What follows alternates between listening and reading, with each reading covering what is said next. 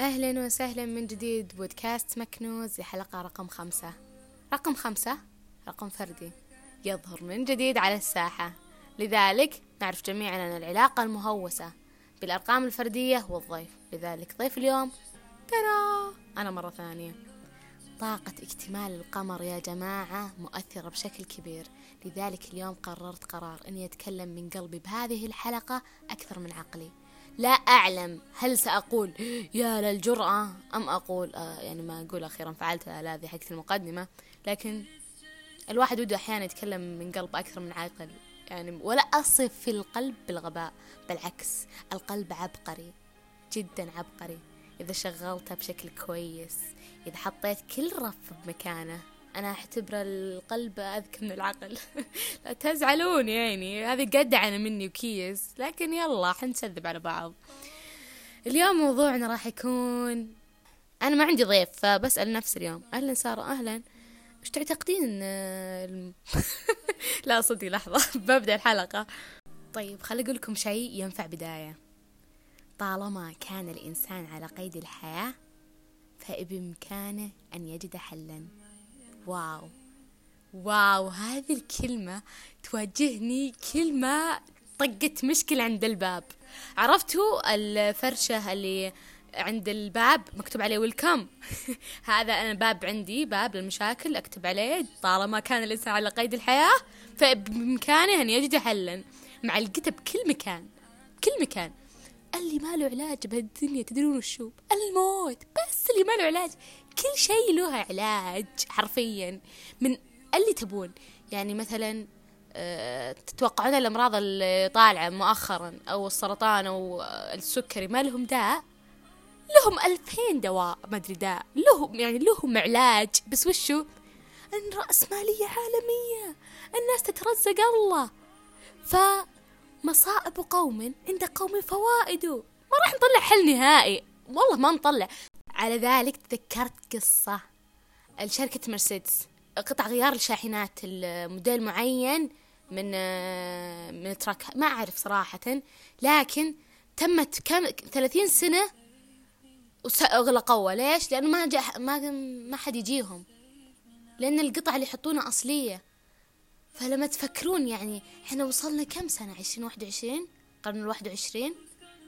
والآن لحد الآن ما في سيارة ضد الصدمات ما تنخدش ما في ما في بس هم شلون يترزقون الله الناس؟ لازم تصدم ترجع الوكالة كلهم يحطوا لي صدام. لازم يخرب. يعني مو بعجزين يحطون ماكينة مدى الحياة كذا تشتغل. مو بعجزين لا يبدون يترزقون الله كذا. ما أعرف يترزقون الله ولا ممكن لا صارت في سيارة كذا يبخلونه بملايين الدولارات. أقول شيء مبلك لا تهرجبه. لذلك بننتقل لموضوع آخر. أخيرا قررت أدخل موضوع الحلقة. لحظة يبيلي كذا جملة رهيبة. كذا بداية يعني ضخمة. اسمعوا يا شباب. اسمعوا يا بنات. اسمعوا يا كل المستمعين. لست مسؤولا عن أفعال الآخرين بل مسؤولا عن ردة فعلك تجاهها. إيش رأيكم؟ والله بقول لكم موقف شخصيا. ريحني بحياتي بشكل كبير من ناحية المشكلات وردات فعل الآخرين. لما تجيني مشكلة بحياتي أو أغضب على الطرف الآخر مشاعر الغضب بتأذيني جسديا نفسيا. يعني شوفوا دين الإسلام وش حث على التسامح وحث وحث وحث. لكن أنا مشاعري تجاه هذا الشخص أيو فأضطر إني أعامله معاملة واحدة. في علم النفس في شيء يدعى الانطفاء أو انطفاء. وش الانطفاء؟ إني أوقف تفاعل مع العنصر. لما أوقف تفاعل بيو. ثلاث أيام يختفي. على حسب المشكلة طبعا كبيرة صغيرة على حسب غلط الشخص على على حسب على حسب على حسب. لكن كل الطرق تؤدي إلى روما وهذه الطريقة تؤدي إلى طرق كثيرة متفرعة. فلما نرجع لموضوعنا الأساسي وشخص غلط عليك أو غلط عليه ومشاعر الغضب هذه ترى تأثر عليك.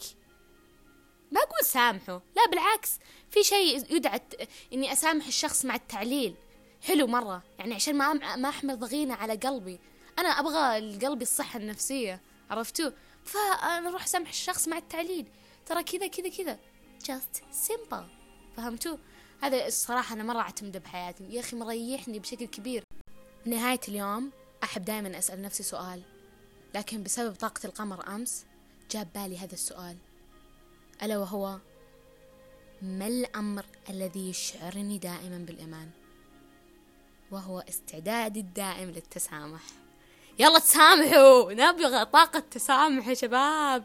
يعني لو تدرون إن الله ما يرفع أعمالك إذا كان بينك وبين شخص آخر خصام الله ما يرفع عملك. يعني تحسبون الله خلقنا سبهلة لا كذا لا! في حساب في عقاب. يعني أنا وش اللي لفتني دائما؟ كل ما غضيت النظر عن الدين يرجع لي الدين مرة ثانية بصيغة أخرى يعني غصب غصب. الدين حياة باختصار. فلما قاعدة أتأمل تدرون حتى الظن عليه إثم؟ كلنا ندري بس هل فعلا أدركنا بيوم من الأيام الظن إثم؟ لو فكرة عابرة كذا وأنت جالس بجلسة فجأة جتك هل أنت تدري أنك محاسب عليا؟ يعني الدين عميق. يعني إدراك الله بجميع دواخلنا وخوارجنا بكل شيء لازم يكون موجود. شفتوا الموضوع وين وصل؟ وين انتهى؟ جميع هذه الله خلاني أقولها بدون استعداد نصي. لذلك اعتبروه رسالة كونية مرة ثانية. آه طبعا الحلقة هذه حلقتي فحبيت أكون فيها كأسارة يعني يعني كسارة شخصيا عرفتوا؟ سو أتمنى أنكم تسامحونا إذا شفتوا ارتجال شوي بالموضوع وأتمنى أنكم استفدتوا جدا جدا. شكرا مرة. نلقاكم في الحلقة القادمة. إلى اللقاء.